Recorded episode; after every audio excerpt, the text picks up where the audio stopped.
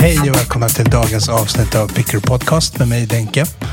Idag är det ett gästavsnitt. Vi har med oss legendaren Mikael Spreitz.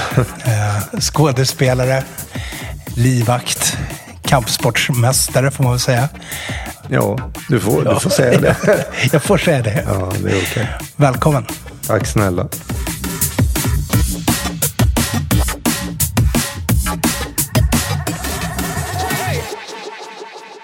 Innan vi sparkar igång så ska vi väl säga att vi sitter på Kallfors Golf.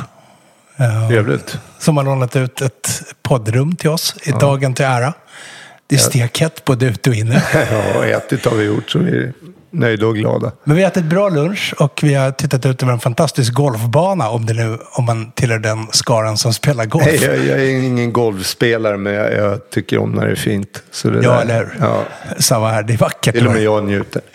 Vack, vackert och bra käk. Det, är- Japp. det, är väl, det är väl bra nog, tänker jag. Det räcker så. Eh, Så vill man spela golf och äta bra mat så välkommen till Kallfors Golf. Mikael, Ja.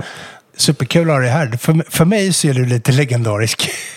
Du, du är en sån här klassisk Stockholmsprofil, Ja. eh, får man säga.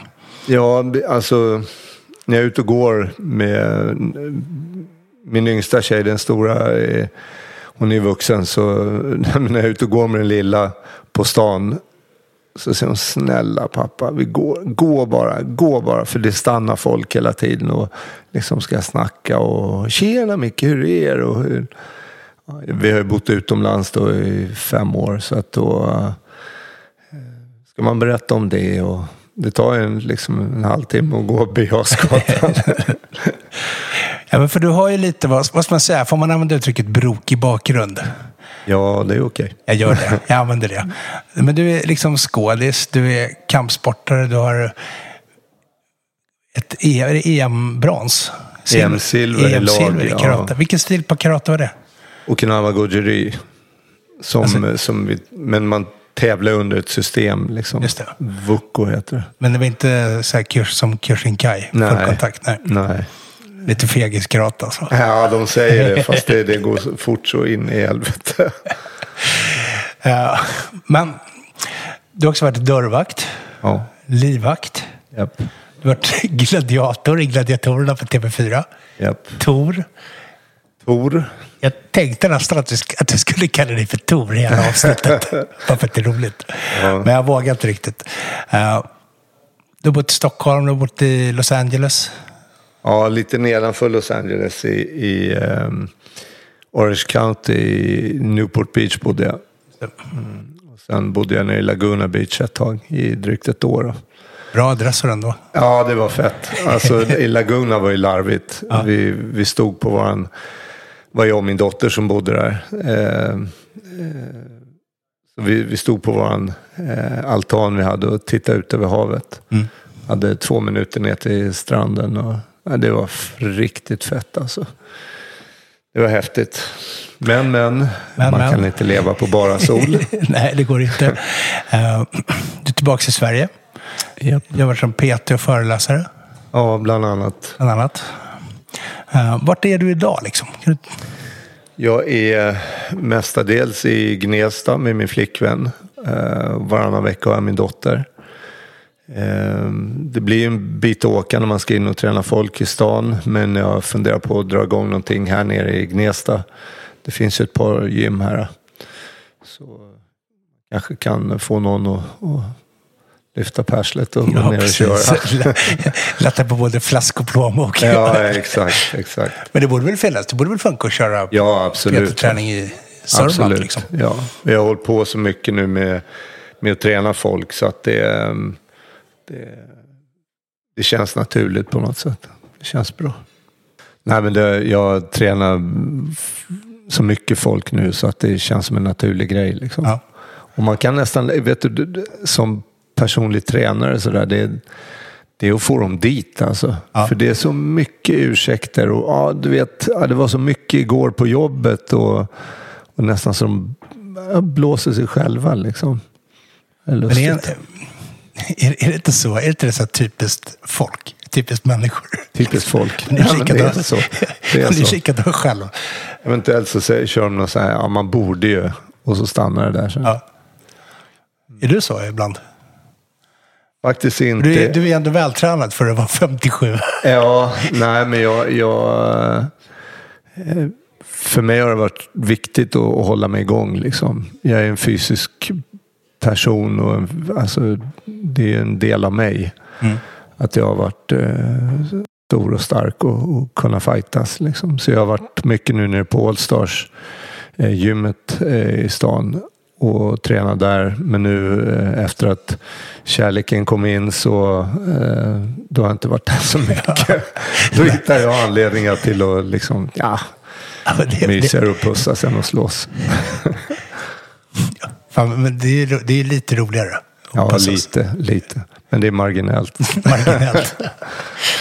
Ja, men det, det är en, en eh, alltså man, man får en, eh, en känsla, man, man lever verkligen. Mm. Speciellt om man sparrar mot någon som är snäppet bättre eller, eller mycket bättre. När man verkligen får vara alert, va? så man inte får en, en riktig omgång. Det är häftigt. Men när du sparrar, är det karatesparring då? Eller är det mer liksom MMA-stuket på, boxning? på Allstar så kör de MMA.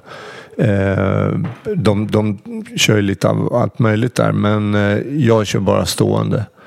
Och jag skulle prova en gång och sparra min kille Irman Smajic, heter han. Han är världsmästare som amatör. Eh, och då har de en bur där inne. Eh, och han väger 130 pannor och jag väger 105.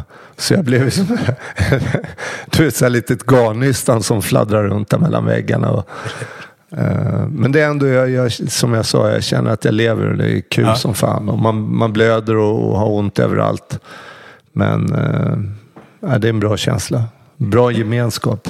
Men är inte det en ganska tacksam grej med just olika kampsport? Att man faktiskt kan hålla på ganska länge. Ja, Jag tänker så här, om man håller på med någon sån här lite töntigare sport som fotboll. Mm. De är liksom slut när man är 40. Ja, om de en ens klarar sig dit. liksom. Liksom. Jag var ju med på mitt sista SM när jag var 46. Eh, och vann då i lag och tog mig till final i, i tungvikten. Men då hade jag sytt så mycket i ansiktet så jag fick inte tävla. Eh, så att det går. Mm. Om man ger sig fan på det. Och då har man det där mentala övertaget. För de tittar och tänker jävlar det är han och han har gjort så mycket. Eh, han har varit med så mycket och han har tävlat mycket och så vidare. Och så blir det lite spänt och det kan vara den där lilla marginalen man behöver. Liksom. Det de också kanske tänker är att de går upp i ringen mot Lisbeth Salanders brorsa. ja. För du, du Dra är ju upp en också, motorsåg och gå loss på den där. Ja, men liksom, jag tänker du är ändå, du är, du är ju skådis. Ja. Du har ju varit med i en del Ja. produktioner. Jo, jag har det. Och det, det är också, det, hela mitt liv har varit så. Det är bara en slump. Liksom. Jag jobbade, eh, alltså jag, jag var ju stökig en gång i tiden. Och eh, vi pratade om brokigt förflutet sådär. Och eh, var jävligt stökig. Så jag, jag har ju liksom 40 domar på mig.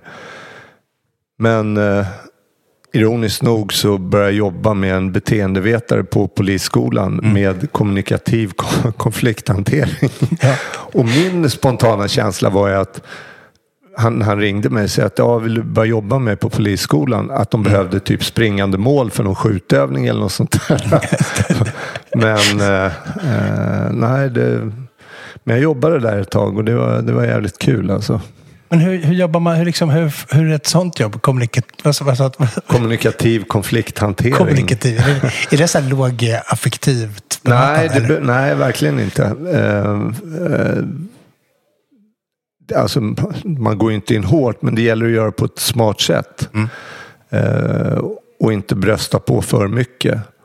Och inte dra pistol så fort man, man blir lite nervös. Utan det, det är andra saker som gäller. Eh, men jag tyckte att det var, det var otroligt givande. Otroligt givande. Eh, Det var kul och förvånande för jag har alltid tyckt att så här, tjejpoliser, man, ja, ja, det, är de, det är som det är. Det är så här inkvoterat. Men i just de övningarna vi gjorde så var tjejerna de bästa. För de Mm. var lite smartare. De behöver inte stå och brösta upp sig mot varandra. Liksom. Så när jag stod där, då var jag stor också. Det var ju när jag filmade eh, Millennium där. Så jag vägde 130 pannor. Och så kommer det in någon tjej och här, tjena. Och lite sådär. Ja, ja. Så eh, ja, det, de gjorde det bättre ifrån sig där än vad killarna gjorde, tyckte jag.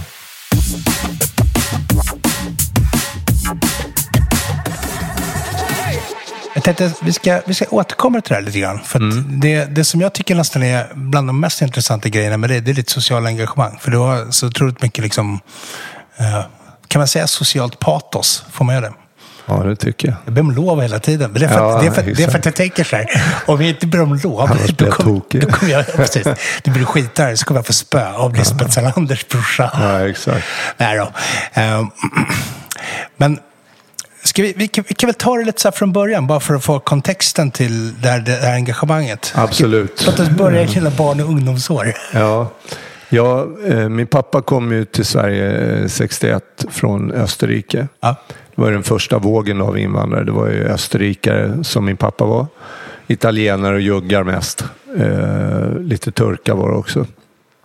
Som kom upp och det var arbetskraftsinvandring. Just det. Eh, han, han berättade för mig, han, han, var en, han hatade, som han kallar det, eh, de här babbarna som kommer till Sverige och bara går på bidrag. För när han kom, då skulle man lära sig svenska. Och kunde du inte svenska, då fick du inget jobb. Och hade du inget jobb fick du inga pengar och då fick du ingen mat. Så att han lärde sig svenska typ omgående. Och sen jobbade han som en slav. Han hade egna restauranger och så, men, men eh, han jobbade jämt, jämt, jämt för att vi, eh, hans familj, då, skulle få ett, ett bättre liv än vad han hade haft. Eh, det i sin tur förde ju med att han inte var så mycket hemma och, och satt det här exemplet då för mig och min bror, men framförallt för mig, eh, på hur man skulle bete sig och vara som man och vad som var viktigt och så vidare. Så jag hade ingen direkt karta varpå det blev stökigt för mig. Min brorsa är tvärtom. Han är jätteordningsam och duktig och, och sådär. Har aldrig haft någonting med rättvisan att göra. Och jag, Har, du, har du fler syskon eller är det- det är en brorsa? två bröder. Två en, bröder. en annan brorsa dök upp efter pappa gick bort. Som jag visste fanns. Men eh, eh, vi hade aldrig haft kontakt med varandra. Och nu är vi jättenära. En superfin kille och jag skulle liksom inte kunna tänka mig att han inte finns längre. Förstår du när han väl har dykt upp. Mm. Men eh,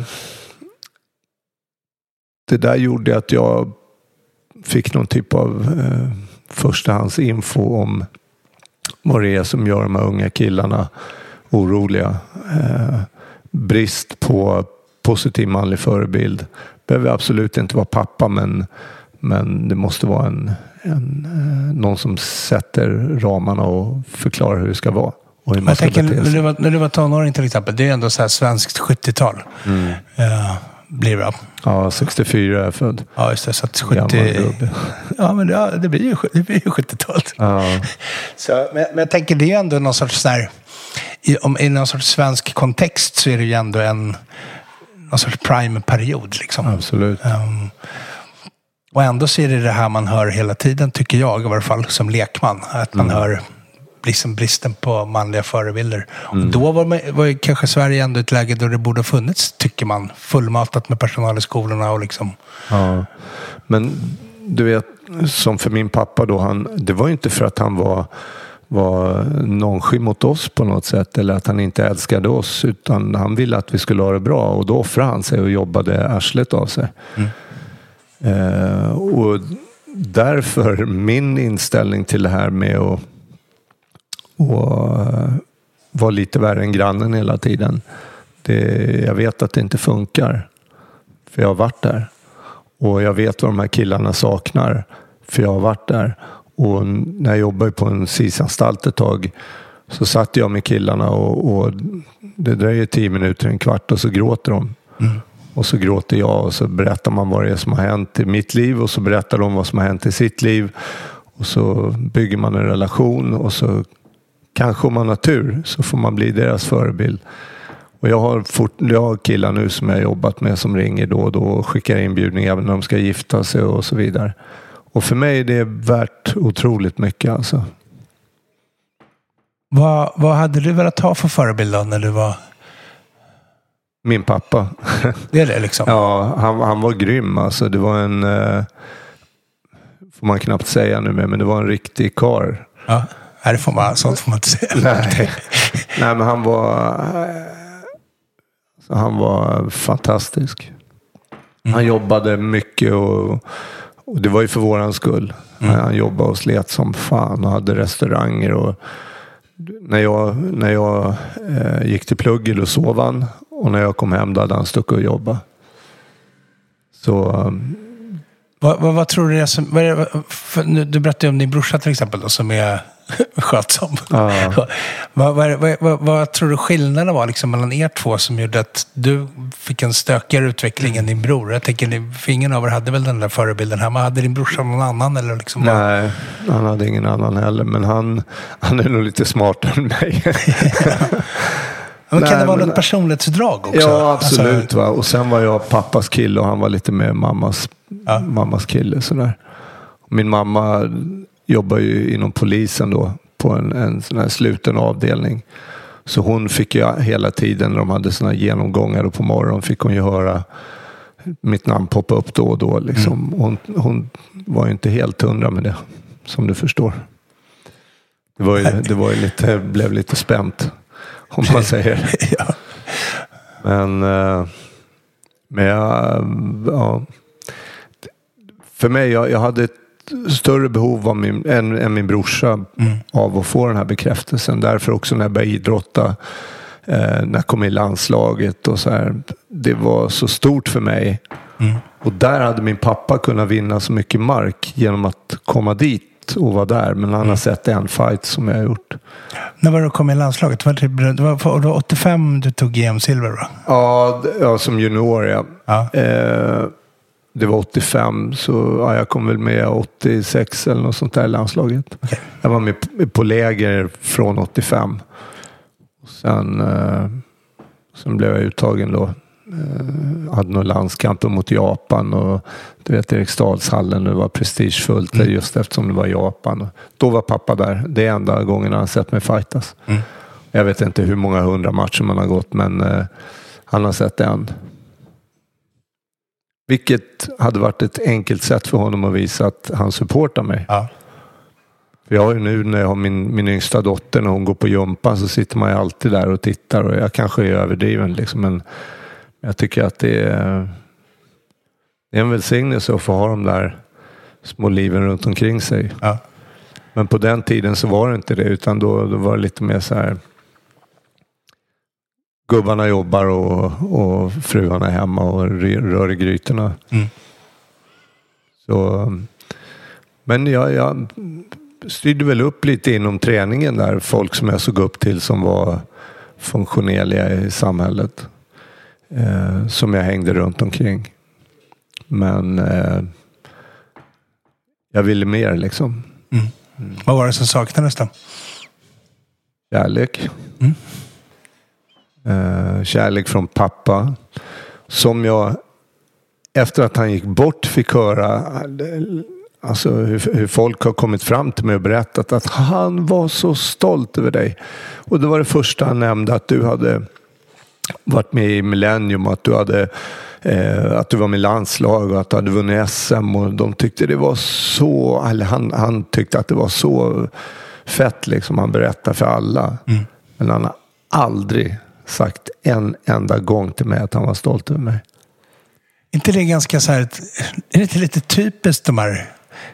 så här 40-talisterna. Oh, ja, men 40-talistfarsor. Ja, absolut. kan liksom inte säga till sina barn att de gillar Nej. dem. De måste... För att som, men som du beskriver själv, du sitter på, på din dotters gymnastik. Sådär. Jag gjorde det med min dotter också, Ja. när hon var i den åldern. Solflickorna. Ja, ja, ja. ja, det här var ju Kalifornien med, med lilla tjejen. Men det var, det var liksom, för mig är det allt. Va? Men det, jag måste berätta henne, det ploppade upp i huvudet nu. När vi var där på, på gympaträningen så, så frågade hon, pappa vad, vad ska jag ställa mina skor? Och, och på svenska då så svarar jag, men snälla du ställ dem i facket. Och folk runt omkring bara tittar. Vem pratar så med en Ja. typ åttaårig tjej? Ja. Han kan ju inte vara klok. Och... Orange County också. Orange County där är så Så jävla... konstig stämning. Det blev lite spänt ett tag. Och sen förklarade jag för någon som satt närmast. Liksom. Och då spred det sig då, så då garvade jag alla. Men... Fick, fick, eh, fick ni också så här delta ibland i träningen och göra ljushopp? Nej, nej. Det, det fick vi göra. Man, fick, man får den där föräldrapressen att man måste Ja. vara med och delta. Det var någon så, här, så att jag har faktiskt stått på solflickorna och gjort ljushopp framför de andra Ja, föräldrarna. jag skulle vilja ha sett det. Ja? Nu om jag visualiserar blir det lite så här homoerotiskt nästan. Ja, det, var- det var ju en oväntad spänning. Men, Ja, ja men varför inte? men lite kanske. Ja, det finns säkert någon som skulle. Kanske man kan sälja det. Ja. Nej, jag vet inte Nej, men det, det är viktigt att det är viktigt att vara närvarande, inte bara genom att köpa saker till barnen. Jag, jag har otaliga exempel på jag kan ta min äldsta dotter. Hon, hon sa till mig en gång. Eh, Pappa, vet du den där tiden när vi åkte runt i din bil och lyssnade på musik.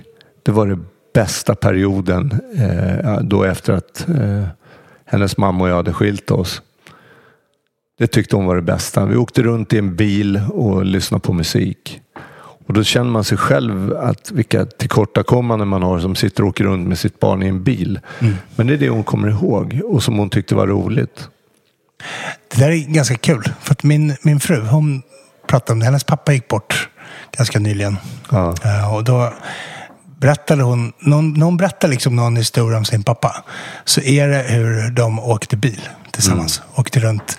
För de bodde inte i Sverige när de var barn. Men när de var i Sverige så åkte de runt i Skåne och då berättade hon hur de åkte runt och det var hon som fick bestämma vart de skulle åka. Så att hon sa vänster och så åkte de vänster. Ja, så häftigt. körde han den vägen liksom. Det är sån här återkommande grej. Ja. Eh, Men du vet när, när jag hade en tuff period i Kalifornien där. Jag hade inte så mycket stålar. Eh, var, corona hade ju kommit. Eh, det slogs ju ner det mesta. Jag livvaktade ju lite men, men eh, det här var precis till en start. Och då, jag hade inte så mycket stålar. Så vi skulle göra dockhus hon och jag. Och då blev det av Amazon-kartonger som vi klippte och, och ritade på. Så gjorde vi omslagspapper till tapeter och så vidare. Och det påminde mig hon, om, eh, hon mig om när vi var eh, här i Sverige då igen. Så sa hon, pappa kom du ihåg när vi gjorde dockhusen av Amazon-kartonger?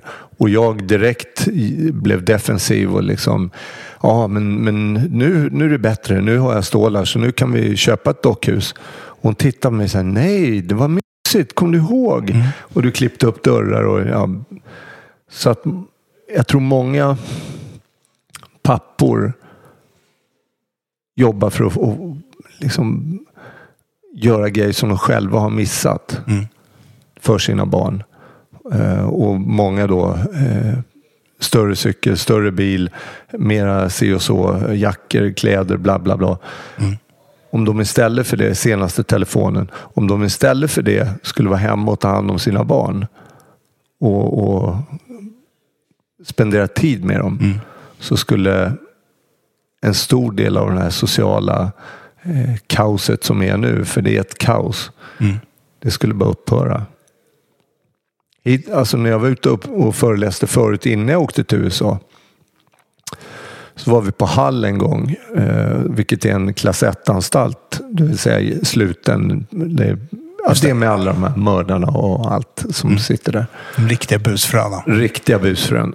Eh, och då gjorde vi tre föreläsningar för 30 killar åt gången. Mm. Och av de 90 var det en som sa att jag hade en bra pappa.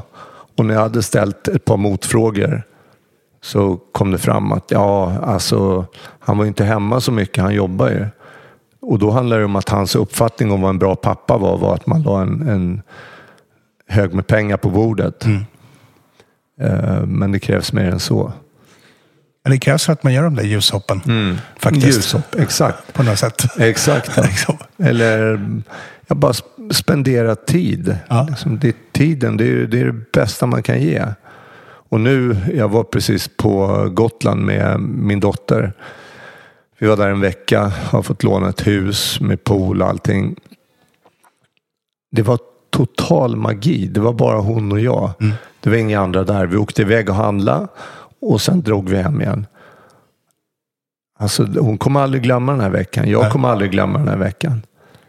Och det var inget fancy. Det var inte att vi köpte några dyra grejer. Och vi, åt, vi åt och badade och umgicks. Det var helt fantastiskt. Bara hon och jag. Helt magiskt. Så Det är jag- magiskt. Men det är ju skithäftigt. Det är så, det är så man vill, liksom vill ha det med sina barn. Ja, Kunna liksom göra de där grejerna. Och det, och det är ju precis det. Det är ju ljushoppen. Eller det är den där kartong, kart, kartonghuset. Man, Ja. ja, men det är så viktigt. Jag kommer ihåg, jag älskade när jag, när jag fick följa med min pappa och tvätta bilen, köra in en sån här biltvätt. Och det, det, han, han skulle ändå tvätta bilen, han kunde ha slängt in mig oftare. Jag var med ganska ofta, Ja. men, men eh, jag tror inte, de, det var en annan, en annan värld och de förstod inte liksom. Nej. Jag tror inte de fattade vad som behövdes. Ja. Det är annorlunda, men nu de, alltså min pappas tillkortakommande vad gäller då att umgås med mig, vilket jag anser nästan var hans enda, för han var en, en cool snubbe, så eh, försöker jag själv att göra tvärtom. Mm.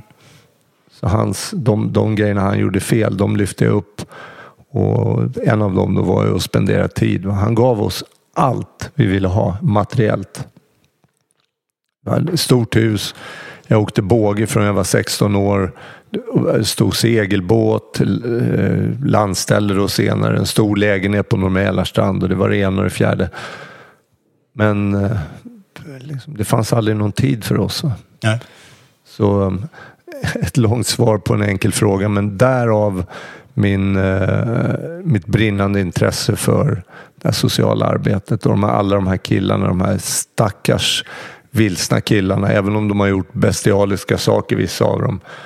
Så eh, skälet på 99 procent av dem, eller skälet eh, för 99 procent av dem, är att de inte har någon positiv manlig förebild, utan det kommer någon tuff kille i kvarteret och fiskar upp dem och så tjänar de en årslön på tio minuter. Mm.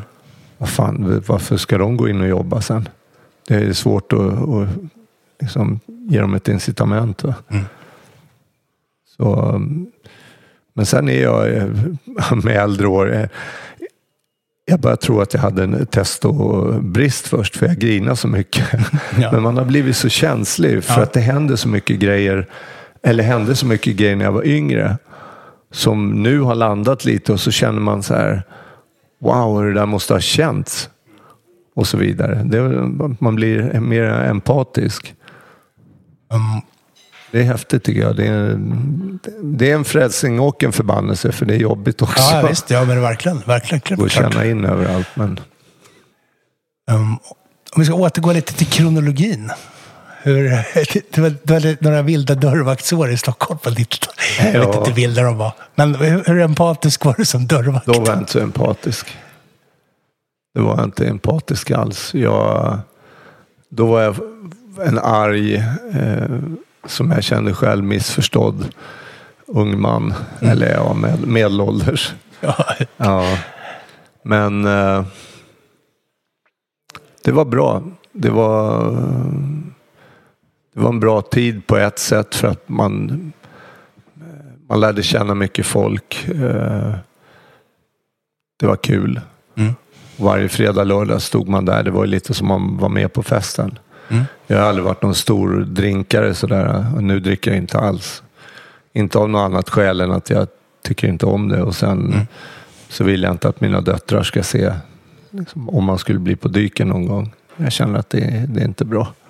det är inte så jävla värdigt. Nej, det är inte vis. det. Det, känns väldigt konstigt. Man, man vill ju inte ha den där David Hasselhoff-TikToken. När man liksom Nej, nej. runt med en burgare på fyllan inne på muggen. Nej, för fan. Ja, nej, men det var, det var kul. Eh, och det var ju tuffa tag vissa gånger där också. Mm. Och mycket slagsmål och grejer. Fast det var inte alls som nu. Det var inte alls så. Det fanns ju en heder och en, någon typ av... Men det där säger ganska många, tycker jag. Här, Mm. Det fanns en heder för. Fanns det verkligen det? Det Allvarligt? Det. Ja, men absolut. Och de som har suttit på kåken vet att om man har suttit så, eh, i alla fall på slutna anstalter, så, så finns det ett förtroenderåd och de eh, eh, kan dela ut sådana här fribrev. Nu vet jag inte om det finns längre överhuvudtaget. Det var så länge sedan jag gjorde något busigt. Så. Men eh, de här fribreven hängde man innanför dörren och så när då eventuella inbrottstjuvar kom och såg det där så gick de ut genom dörren och stängde bakom sig och typ förlåt, la tillbaka alla saker. Och det fick man då ett fribrev om man var en, en skön kille. Nu, om någon skulle hitta ett fribrev så skulle de troligen ta det och försöka att sälja till någon. Du, Så att det, det finns ingen heder där heller och de skjuter varandra till höger och vänster och det är kusiner och gamla skolkompisar och så vidare. Eh, Förut så var det mera, det kändes mer renhårigt. Men ingen mår ju bra av det här. Jag har jobbat på de här SIS-anstalterna och, och de killarna som sitter där, även om de sitter för mord så Alltså de är inte heller endimensionella. Det finns ju skäl till varför de överhuvudtaget kommer in på den banan. Och det är väl där lite som, som jag och många med mig som har levt eh, lite rörigare liv eh, sitter inne på kunskaper som inte går att läsa sig till utan man måste ha varit där och känt det. För egentligen lite den, den allmänna trenden nu också är väl lite grann att man går på den här liksom reptilhjärnereaktionerna på allting. Så. Lås in dem och släng nyckeln eller liksom Ja. så. Jag vet inte, för jag kan, alltid, jag kan själv tycka, som, bara som människa kan jag tycka att det, det är en jävla balansgång där mellan att å ena sidan så kan jag också väldigt ofta tycka, men jag skiter i motivet eller Mm, varför eller hur dåligt han mår. Eller hon liksom. Ja, gö- Gör man en sån grej, då har man liksom bara bort med dem. Bara. Förverkat sin rätt. Ja, men lite så. Men om man, om man har den tanken då skulle man bara kunna ställa upp dem mot väggen och avrätta dem på en gång. Ja. Så skulle det bli enklare för alla. Och nu, eh, jag har ju varit eh, uppe då hos riksdagen tre gånger på möten eh, och mm, pratat bland annat om med justitiedepartementet. Och, och inställningen nu det är att ja, men, vi dubblar alla straff. Vad som händer är att vi tar de här ungdomsmördarna då som får fyra år max. Max fyra år. Under de fyra åren så finns det inga krav. De kan ligga och kolla på Netflix i fyra år och käka kebab varje fredag och sen kommer de ut. Och då har de höjt sin kriminella status och förutsättningarna för dem är exakt de samma som när de åkte in. Fast de har blivit någon typ av krim och Elvis. Så att de kan, eh, ja de får en, en högre rank om man säger. Och eh, det är så, så det, det förstör ju de här killarna när de kommer in. Det blir ju en bakvänd effekt. Istället för att de rehabiliteras och integreras i samhället så blir de, de, det finns ju inte en chans för dem. De har ju samma förutsättningar men de är, har ännu större press på sig. Så vad man borde göra eh, det vore ju alltså, kanske dubbla straffen. Men du kan få de där fyra åren. Men då ska du komma upp med en full eh, vad heter det, genomförd då, skolgång under de här fyra åren. Du ska träna och du ska sköta dig kort och gott. Men det finns inga krav. Inga som helst. Man gick dit och skulle väcka om halv nio på morgonen. Tja, nu är skola, du får hoppa upp här. Ja, men jag vill inte. Okej, då ska man gå för annars så kränker man dem. Och då är man helt ute och cyklar. Men är inte det där också en typisk, om man ska generalisera lite, liksom, att man i samhället idag, att det finns en, en det är lite kravlöst på något vis. Alltså det, finns, och man, det finns en anda av att man alla anser sig ha så mycket rätt till saker. Men det är väldigt få som man, man liksom applicerar inte principen att man också har ansvar för En någonting. skyldighet. Ja. Man har bara liksom rätt till, men inget ansvar för. Och du, du vet, det händer ju saker där inne, killar som ska spela apa. Och där blandar de också sådana som bara är, är på sne om man säger för att mamma är fyllo och pappan är pundare eller tvärtom. Och killen är dysfunktionell. Och så sätter de in dem med mördare som de ser upp till och som har en status och som det är som en, jag har sagt det förut på någon annan podd, att det blir som en kriminell plantskola. Och istället för att ta in positiva manliga förebilder så, är det en massa wannabe gangsters som är där och jobbar också. Inte alla, men långt ifrån alla, men det finns. Som anammar deras språk och så vidare. Och det, är, det är fel sätt. Det är fel sätt. Man, det, det låter konstigt för om man säger vanlig Svensson att om de skulle komma in, de ska få utbildning. De, eh, jag är vurmar för att de ska få komma in i kampsporten. För många av dem är ju tuffa killar och, och skulle inte backa. Men att göra det under organiserade former och dessutom få bli del av någonting. Som om man är på Starfight eller på Allstar. Eh, på det gymmet där jag kör. Och så kommer man in. Det är alla raser, det är alla religioner, det är alla kön. Det finns ju mer än två nu. Så, men det är alltid respektfullt. Och det blir som en, en eh, kamratuppfostran. Kommer man ner där och spelar apa, det, det, är inte, det funkar ju inte. Liksom. Det går inte. Jag tror ju en viss, typ, en viss grad av kamratfostran är ganska bra. Absolut. Sådär. Sen behöver Absolut. det inte gå över i ren penalism. Men det, Nej, finns nej. ändå, det, är liksom det finns något, ett, ett, finns ett ansvarstagande i att en grupp, att man som grupp faktiskt kan, liksom vågar sätta gränser och vågar, Mm. liksom, ja. Ja, det är jätteviktigt. Men jag tror att samtal och killar som har, har varit i den här dysfunktionella eh, sociala gruppen som finns och tagit sig ur. Att de visar hur de gjorde och, och vad man kan göra och ger de här killarna öppningar. Det går inte att locka med att ja, men om du sköter det kan du få 25 000 i månaden. Det får de på två timmar om de ja, rånar någon eller skjuter någon eller vad det nu kan vara. Så att det, och mycket nu styrs av pengar. När växlingskontoret de, de slog igen 80 miljoner på ett år. Det är en och en halv miljon ungefär då i veckan. hyfsat mycket pengar. Vilka pengar alltså. Sjukt. Så att eh, många nu eh, de, de hänvisar, ja men det är integrationen, men de här barnen är ju födda i Sverige, många av dem. Så att det integration, jag förstår inte riktigt. De, de är ju födda i Sverige, att de har en annan färg och kommer från ett, ett område som inte är, är eh, säg då om de är utifrån Järva till exempel. Men det, det är ingen jag vet, det är svårt. Det har blivit så mycket nu när orten har, har eh, fått någon typ av kärleksstämpel. Jag har sagt det också förut, men det finns ingen kärlek där. Då hade det inte varit som det är nu. Det, ehm, jag tror att det, det krävs att man... Eh, det är sånt, sånt stigma runt de här killarna också. För att de... Det var ju som de här värstingseglatserna. Ja, jag, jag skulle 80-talet. också, ja visst, jag skulle också vilja åka och, och segla i Västindien. Fy fan. Fast du skulle inte vilja gå igenom vad han har gått igenom. Nej.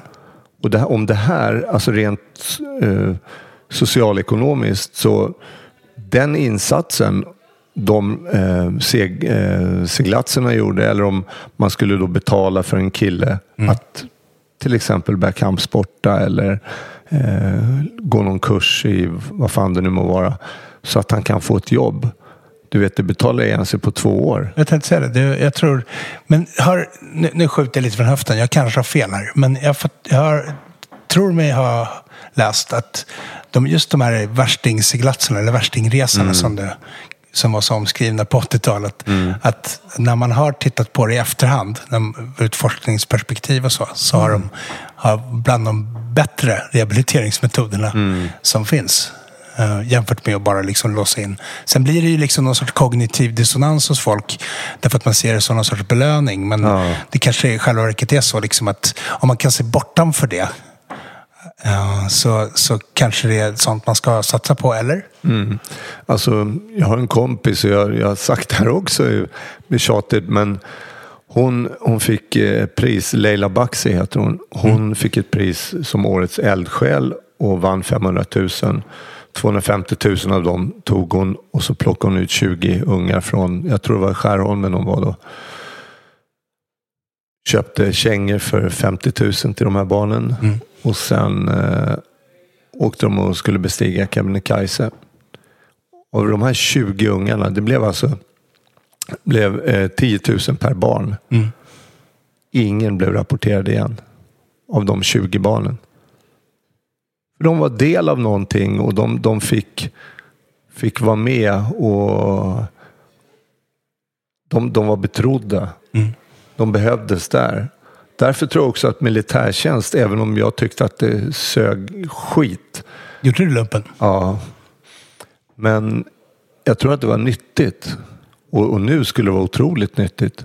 Folk mm. tror att ja, men då tar de vapnen och springer iväg. Fast det är lika svårt nu som det var förut. Va? Vart gjorde du lumpen någonstans? På I1. Jag sökte idrottskompaniet för jag var med i landslaget. Och, eller, ja, det var mitt mål i alla fall. Så jag ville, ville träna under lumpen. Men just det året så fanns ingen bud och gren. Så jag fick eh, göra på I1 för det var nära. Mm. var ute i Kungsängen där. Låg man och sov ute i skogen.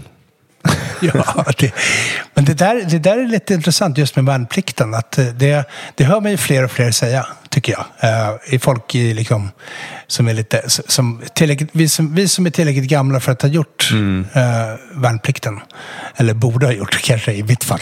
Ja, så, ja. så tänker jag ändå att det, det är många som, om man många som liksom börjar förespråka värnplikt igen. Att, mm. att det faktiskt, just för att det finns någon sorts fostrande, eller vad man ska säga, liksom funktion i värnplikten. Ja. Att man får hänga med människor som man normalt sett inte skulle träffa. Man, får, man är tvungen att lära sig umgås och ja, går, jobba Går man och spelar och... tufft där inne, det funkar till en början, ja. men sen blir folk trötta och bara, men lägg av med det där. Och det blev mer som en homogen massa. I början ja. kommer jag ihåg, det fanns ju massor. Det var ju någon sån här morsgris och, och någon tuffing och, ja, någon, och så vidare. Men sen stod alla där mm. på en rak linje. Så... Vad tror du då? Ska, ska alla unga män och kvinnor eh, fem månader i grundtjänstutbildning i militären eller fem månader på Gävleanstalten? ja, då hellre militären. Ja. ja. Nej, men jag tror att det, det skulle vara bra, framförallt för integrationen. Mm. Jag är så, här, så att jag funderar på om det, är, om det är det här med liksom återinföra värnplikten. Mm. Jag, jag, jag, jag dras lite mellan å ena sidan tycker att det är så här, ja men det där är bara så här gubbåsikt. Mm. så att, för att alla, gubb, alla gubbar tycker det nu. Uh, men å andra sidan tänker jag så här, men det, men det är ändå rätt vettigt. Rent, liksom. jag, jag, tycker inte det är försvarbart etiskt, men det är det, det vi kan göra för att försöka att få en bättre integration och ja. få de här killarna att och uh, fatta liksom att det, det, är ganska häftigt att vara en, en, del av något istället för att välja utanförskapet. Många väljer, många är ju tvingade till det. Mm. Så, så är det ju. Men uh, min tanke och uh, Emlich Roth som jag var ute och föreläste med, uh, en förintelseöverlevare, mm jag kan inte sätta mig i hans nivå, men, men vi, vi delar uppfattningen om att en eh, positiv manlig förebild är viktig för att man ska klara sig genom livet. Har man inte det så måste man bryta det här sociala arvet någonstans på vägen. Och gör man inte det, då får man sitta på Hall eller Kumla eller mm. Österåker, vad det nu är.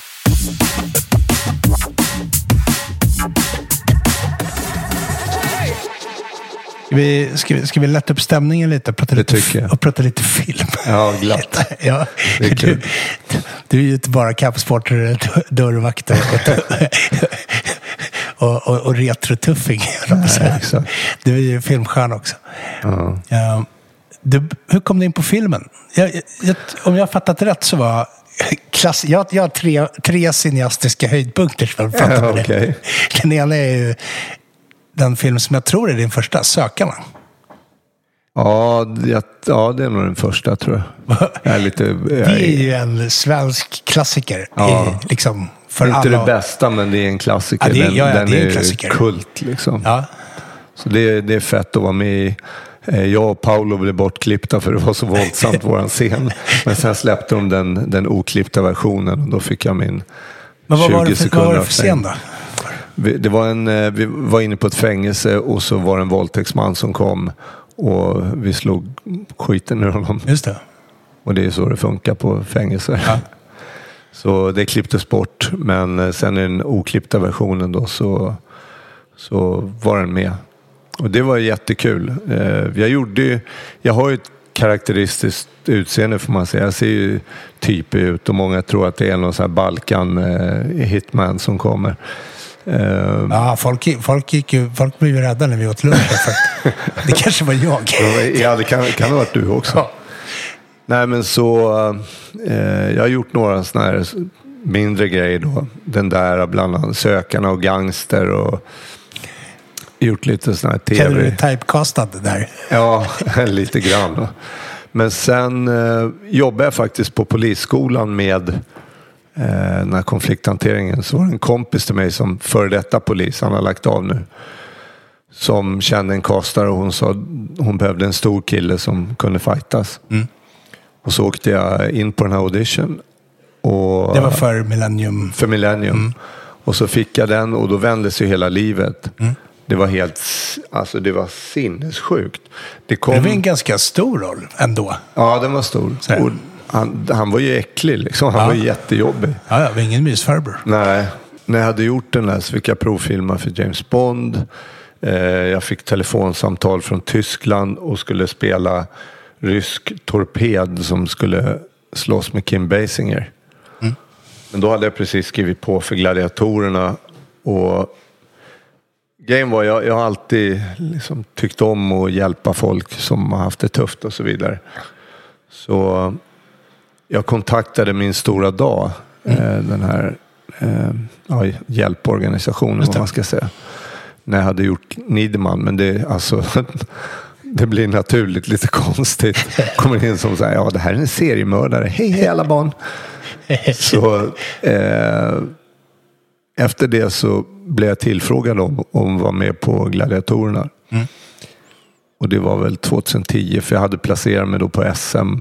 Och i karate. Ja, och då tyckte de att ja, men tänk om du skadar dig, du är så gammal. Så, här, så sa jag att jag precis fightas SM. Och, så att det, det är ingen fara, liksom, jag kommer att klara mig. Men eh, då skrev jag hellre på för gladiatorerna för att jag ville ut på sjukhus och jobba med barn och så vidare. Eh, sjuka barn. Och då åkte jag och tog med några av dem som eh, eh, de andra gladiatorerna. Och så startade jag samtidigt då en, en eh, organisation som heter Fighterhjälpen. Som samlade in pengar via ICA-affärer och så vidare. Eh, sålde plastpåsar till folk. Och, så vi åkte runt och hälsade på sjuka barn och, och så vidare. Men det var, det var också efter Millennium. Eh, det var ju då, ja precis när gladiatorerna var. Så det var stort. Och det var stort när jag kom till plugget med min, min eh, vad man ska säga, styvdotter. Som nu är hon 16 men hon skulle börja plugget. Och, och jag kom in där och barnen bara, du vet de stod i en ring runt. Åh det är Tor! det blev världens turbo. Ja, Och då kunde, det var man ju varje fredagkväll var man ju varenda människas ja vardagsrum. Men det är ju jättestort ju. Liksom. mm. Så um, Det, för det, det, det, är ganska intressant lägen då. För det är så här 50-50. Om antingen de ställer till ring runt på och det är Tor. Ja. Eller om de springer och gömmer sig. För det är Exakt. Niederman.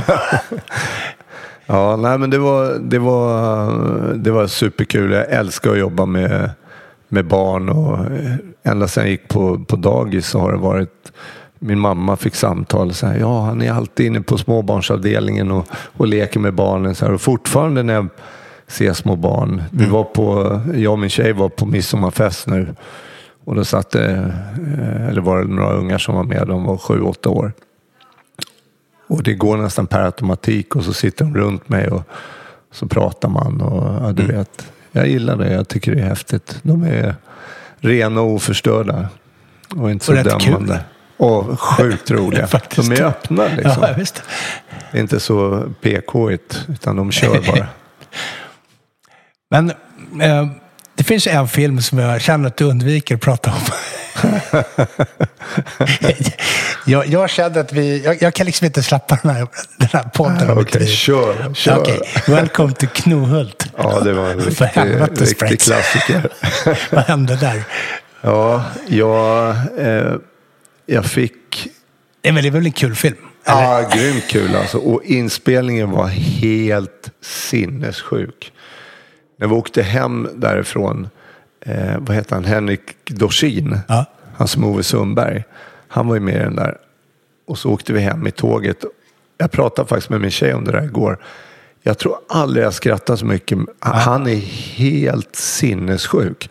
Och så, man tror ju att han är så outgoing och liksom Ja. öppen. Och, men han är lite blyg och försiktig och helt galen. Så jag, det, var, det var en otroligt kul inspelning. Och sen Kjell Bergqvist Ja, med, så det blev ju action liksom. För, men- för att vara så typecastad som lite badass så har du ju ändå jobbat med ganska coola skådisar. Torsten Flink i Sökarna. Ja, ja. Musse Hasselvall. Ja. Första gången någon nämner hans namn på tio år. Ja, Säkert. exakt. Vad heter han då? Per... eh, Vad heter han? Eh, skådisen. Per Myrberg. Nej, inte Per Myrberg. Vad fan heter han? Moberg. Nej, nej, skitsamma. Vi gjorde en Hamlet-inspelning eh, för SVT. Ja. Då var jag soldat och han var någon annan soldat. Det var, ja, det, men det, det är det häftiga med skådespeleriet, att man får möta så mycket människor i en kreativ miljö som gör sitt absolut bästa. För gör man inte det, då är det lite darwinism. Ja, visst. Bye bye till nästa gång. Så när jag jobbade med Micke Nyqvist där, det var mycket grejer som han sa som man aldrig kommer glömma bort. Liksom. Han hjälpte mig på ett sånt enkelt sätt. För jag frågade honom, hur fan kan du komma ut? Vi hade en scen då han och jag. Hur, kan du komma ut och helt plötsligt bara storgråta? Och vi stod och pratade och, och så ropade de, Micke det är dags, en minut. Så gick han in, så kom han ut och så stod grät han. Så sa jag, vad fan hittar du det där? Och då sa han till mig att den som, den som när det är på film, på teater är det tvärtom, men på film, den som spelar minst kommer ut bäst. Och så är det så, han hittar någonstans i sig någonting som skulle utlösa den här gråten hos honom. Och han grät så det bara skvala. Och sen eh, så säger de, okej bryt. Torkan som, ja okej Micke, vad var vi? Så här börjar vi prata. det blir nästan så schizofrent. Så, ja, Ja, det- exakt. liksom. Där har också varit en Men, tjej gick du, som... men jag tänker på, grävde du det där eller gick du runt på en Niederman hela, hela Nej, jag, jag var i in character hela tiden. Nej, Krasch hela, ja, hela bara slog på bara bara. för att. Nej, men det var en tjej som också gjorde en sån här jättebra insats tycker jag. Jag knuffade ut henne. Jag är alltid så här otroligt trevlig, mot, speciellt mot tjejer då, när jag filmar. Så eh, vi satt och körde bil och hon satt bredvid mig. Och så satt hon och snörvlade så mycket så jag var tvungen att slänga ut den ur bilen. Och efteråt, jag, jag var så, för hon såg rädd ut. Ja. Jag bara, men det gjorde ont, förstår du.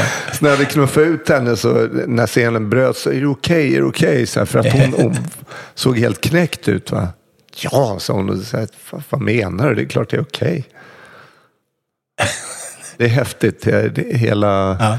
känslan. Var, det- var, det, var det skådespeleriet i det som fick dig att dra till LA? Eller var det liksom, fanns den drömmen där, eller tanken? Jag bodde där 91 också. Då var det av alla anledningar. Då, då drog jag härifrån för att jag ja, var tvungen mer eller mindre. Eller jag ville. Jag, jag, jag och en kompis stack till LA. Bodde där i närmare ett år. Då.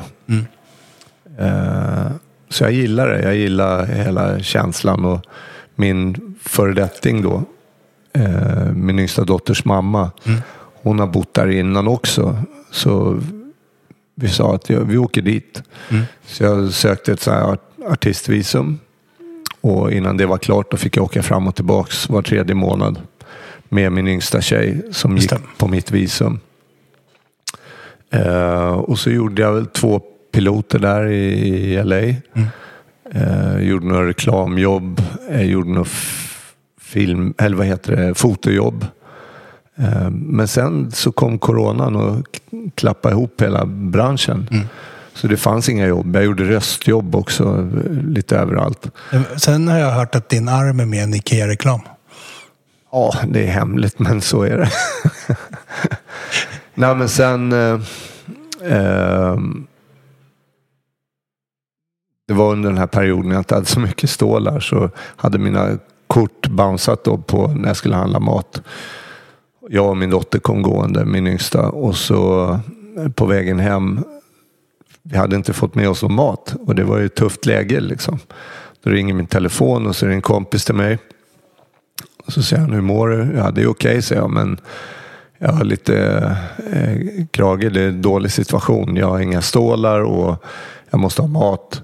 Så sa men det är inga problem. Jag, jag skickar över stålar som han typ swishade då, 200 dollar till mig. Och då kommer jag, jag kommer aldrig glömma min dotters ögon när jag tittar på henne. Så sa jag, kom vi vänder. Hon bara, men pappa vi har inga pengar. Jo, men det löser sig. Vad menar du? Så här, ja, men jag har pengar nu. Hon tittade på mig som jag var Stålmannen. Mm. Så gick vi in, handlade mat och känslan hängde kvar ett tag. Nu är jag bara en vanlig pappa. men, men ett tag var jag Stålmannen. Så um, ja, det är mycket, mycket grejer som har hänt. Mycket som har hänt.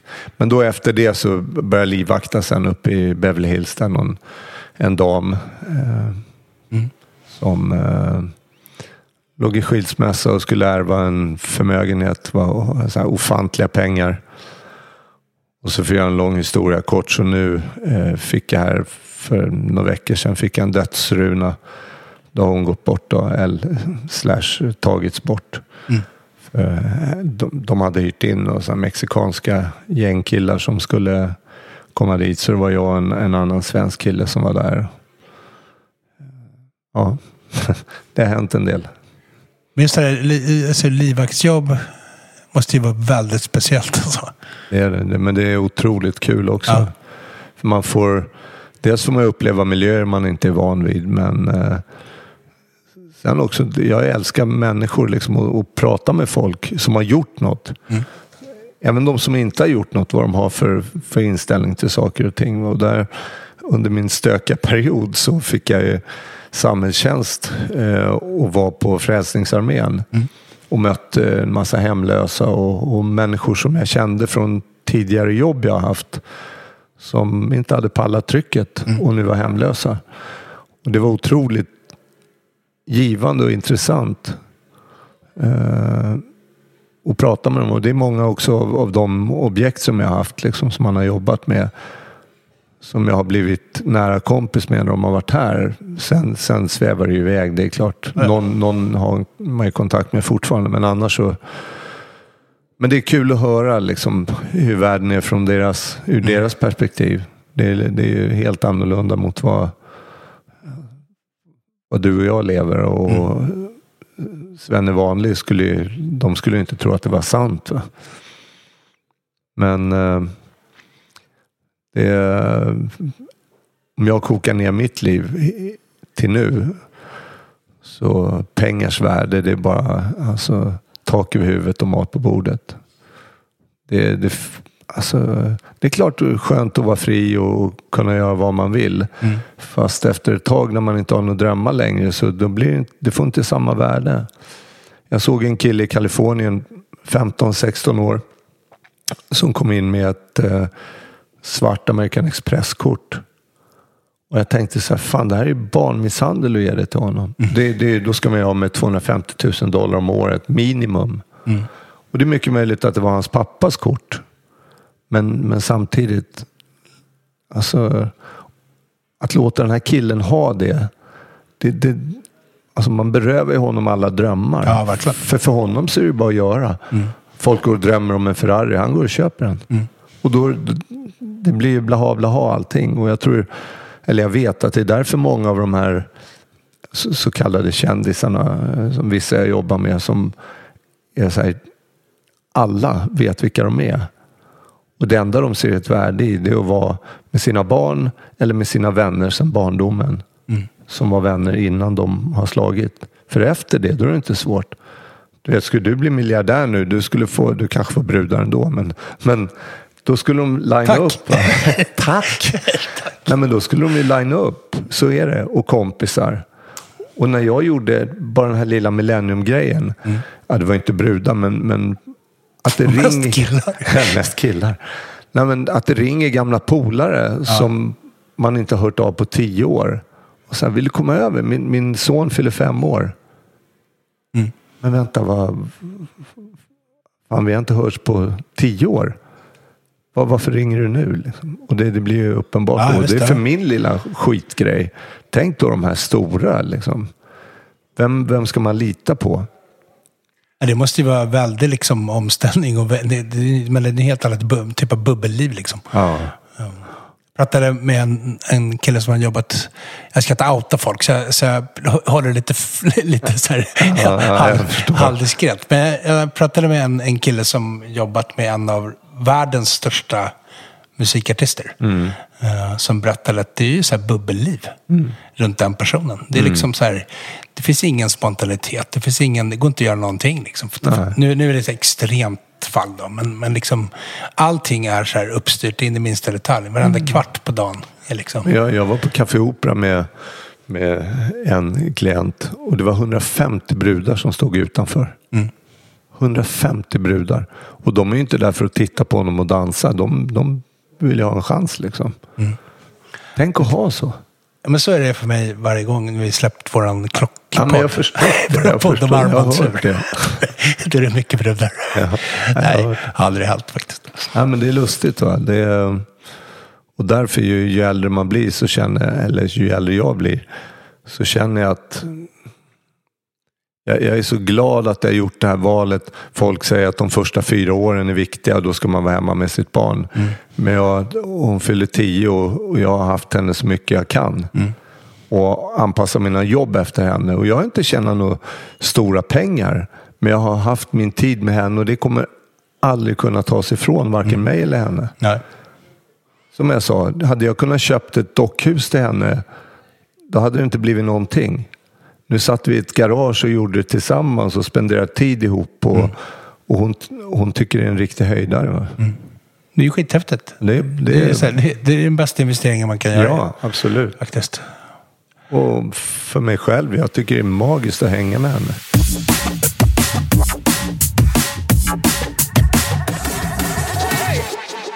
Vi skulle prata lite, runda av och avsluta lite med att prata om ditt sociala engagemang. Eh, Och dina, för du föreläser, bland annat. Ja, det. Um, om man skulle, så här, om man skulle sammanfatta din take på det som på vår tid kallas för värstingar. Eller på de allra svåraste fallen. Eller på jag tänker ungdomar i riskzon, riskzonsungdomar eller vad man nu väljer att kalla dem. Eller även de som har liksom klivit över den här gränsen. Vad är, liksom, vad är essensen där? Om man liksom sitter på en kommun till exempel och jobbar med sociala frågor. Vad, eller på, inom polisen. Eller på riksnivån kanske också. Vad liksom, vad, vart, vart, vart, felas det någonstans? För det här är ju ett problem. Liksom. Det största felet är att man går in alldeles för sent. Och de, det syns ju redan på dagis vilka som är utanför och vilka som är röriga och stökiga. Så att tidiga åtgärder och sen för dem, eh, om, om det är några nå, alltså, faktiska problem mer än att de inte bara är närvarande. Att, att mamman super och, eller pundar eller pappan super och pundar. Eller beter sig bara och kanske är kriminell eller vad det nu kan vara för någonting. Så eh, att man tidigt går in och gör insatser. Mycket, mycket tidigare än vad man gör nu. Hur tidigt ska man gå in då? Ja, pratar vi liksom... Fyra, fem år. Alltså, Ja. När de är på dagis. Jag vet inte, eh, jag vill inte prata dåligt om något, men den här dokumentären Mammor. Eh, eller Mammorna kanske den heter. Ingen aning Nej, det, det är eh, Alexandra Pascalidou gjorde en. Ja, ja, ja. Nu vet jag. Ja, och den handlar om, eller den ska belysa då det här problemet kan man väl milt säga det. Eller kalla det. att det skjuts barn. Mm. Och det är parti och minut. Och då är det Mammorna heter det. Och det eh, sitter då mammor och berättar. En av de här mammorna var med när jag var på möte i riksdagen där. Och jag tror att det är en eller två gånger i hela den här serien som, som pappan ens nämns. Mm. Och jag har kompisar som har suttit inne med, med pappor vars barn har, sen har blivit eh, ja, grovt kriminella och eh, till slut då skjutna eh, och, och mördade. Och men alltså det, det, är en sån tid nu. Det är så, allting är så politiskt korrekt så att det är viktigare vad man säger än, än att det får någon riktig effekt. Va? Så eh, att alla har genusneutrala kläder och så vidare. Mm. Det är en annan fråga men, men pappan har en enorm påverkan på, på framförallt pojkar men också på flickor. Och eh, Jag hörde tidigt, jag tror att det var av jag kommer inte ihåg, men eh, det är att pojkar blir som pappa och flickor hittar någon som pappa. Och det är utifrån det jag är lite av egen intresse när jag är ute och åker bil med min dotter. Så kliver jag alltid ut, öppnar dörren så hon går ut. Och när vi ska gå in i bilen så öppnar jag dörren så att hon kan gå in först och så stänger jag. Mm. Och så vidare. Jag bär hennes kassar gammaldags karlagöra. Nej men du vet, ja, vara en gentleman. Ja. Förhoppningsvis så blir det här någon typ av varningsklocka för henne om hennes tilltänkta då någon gång i framtiden inte gör det. Mm. Att hon säger, vänta han håller inte upp dörren till mig. Vad är det här för lirare? Mm. Det är det lilla jag kan göra. Det, grejen det framstår faktiskt nästan som lite genialt att göra så. Ja, men... Jag tänker på att jag har både döttrar och söner. Ja. Men, um... men inga, inga stora moralkakor nej, utan bara öppna dörren så här. Ja. Min... Jag fick faktiskt en tankeställare på just det där när min, när min fru en gång för länge, länge sedan sa, hon såg på tv, hon sa, eller nej, det var inte ens på tv, hon hade sett det live. Eh, ett gammalt par som hade varit inne och käkat lunch. Och sen så när, när de gick ut från lunchrestaurangen så hade mannen i paret gått runt bilen och öppnat dörren till sin fru. De hade säkert varit gifta i så här 200 år. Ja, ja, ja, så, men att han fortfarande gjorde det. Och min fru sa alltid så här, åh gud, det var så fint.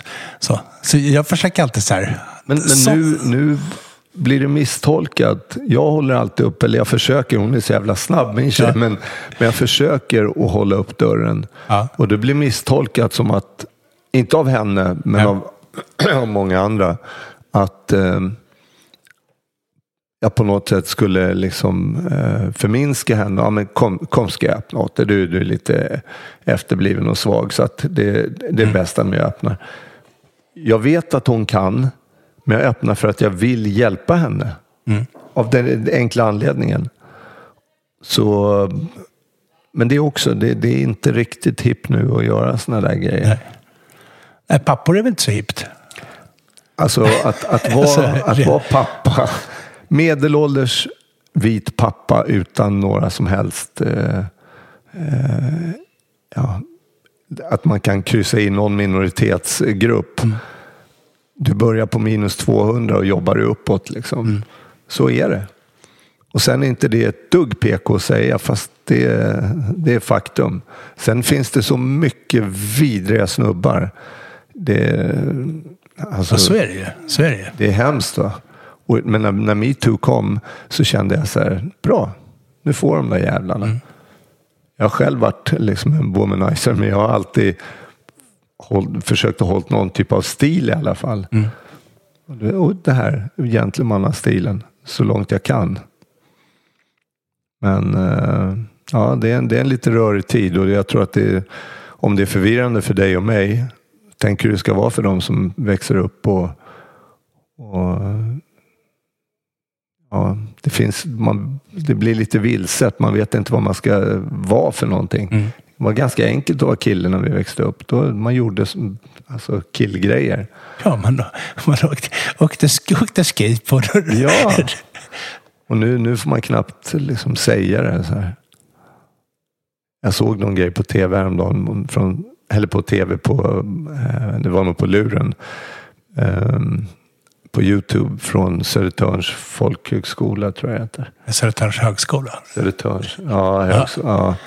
När en, en tjej då kommer fram och så säger hon hej, eh, skulle jag kunna identifiera mig själv som kille? Ja, ja, säger alla. Så jätteängsliga och PK eh, liksom. Och så tar hon det längre och längre. Och till slut blir det så absurt. Och då viker alla ner. Och säger ja, jag, nej jag vet inte. Det, alltså man ser att inte du är en hund. Ja, men vadå skulle jag kunna se ut som en man? Eh, förstår du? Man vågar Ja, inte. Ja, och det, det där tror jag också är lite Det här, kommer vi, förvirrande. det, det här kommer vi vara tvungna att klippa bort. För, för den filmen är, det är typ så här riktig SD-propaganda. det är en SD-film. ja, ja. Den, Det- det kommer vi Jag får nog klippa bort ja, det där med homoerot- Ja, det får klippa bort. Det homoerotiska också. Nej då, det är nog lugnt.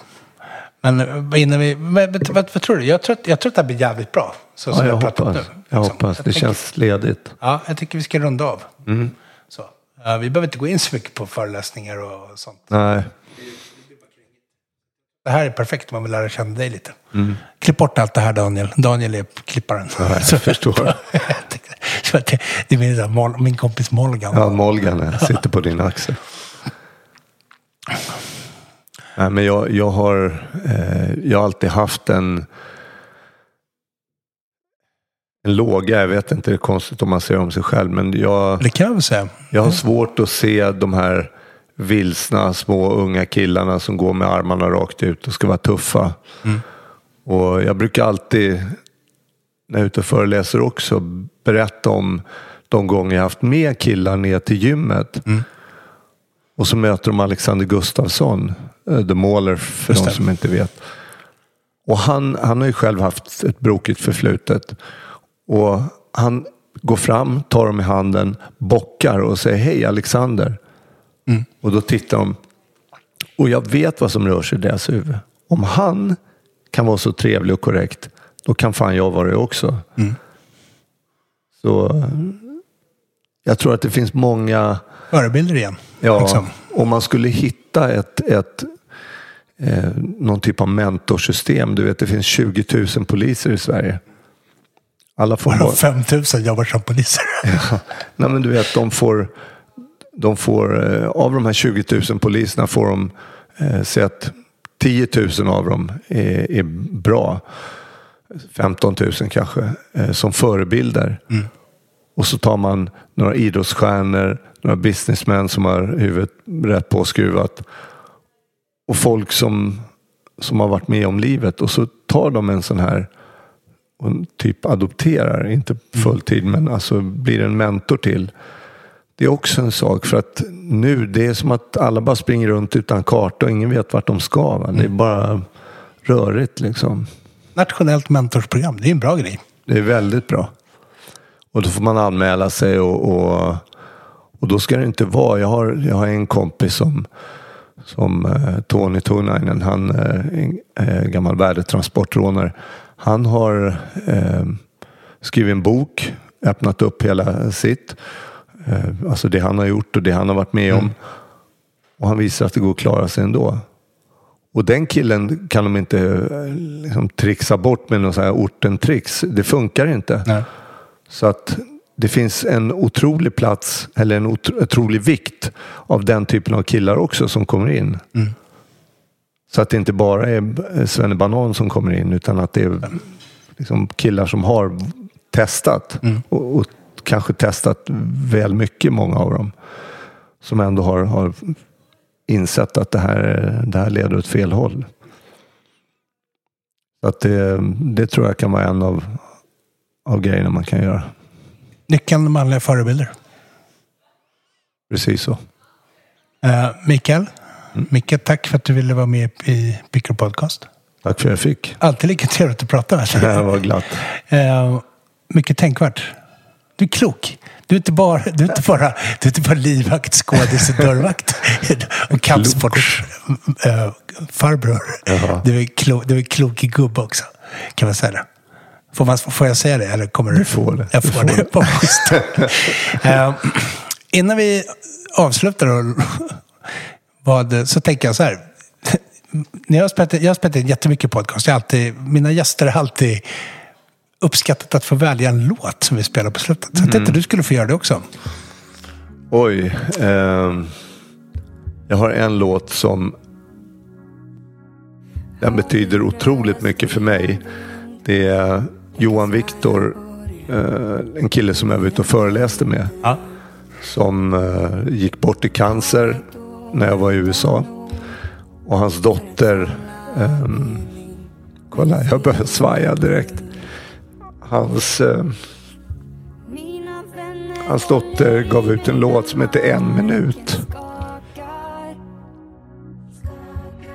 Jag kan inte hålla ihop det, vänta. Det finns två versioner av den låten och eh, den här hyllningsversionen när Johan pratar också. Den, eh, den betyder mycket för mig. Kör vi den. Ja, Ja, avslut, avslutar vi med den. den känns. En minut. Tack mycket för att du ville vara här. Tack själv.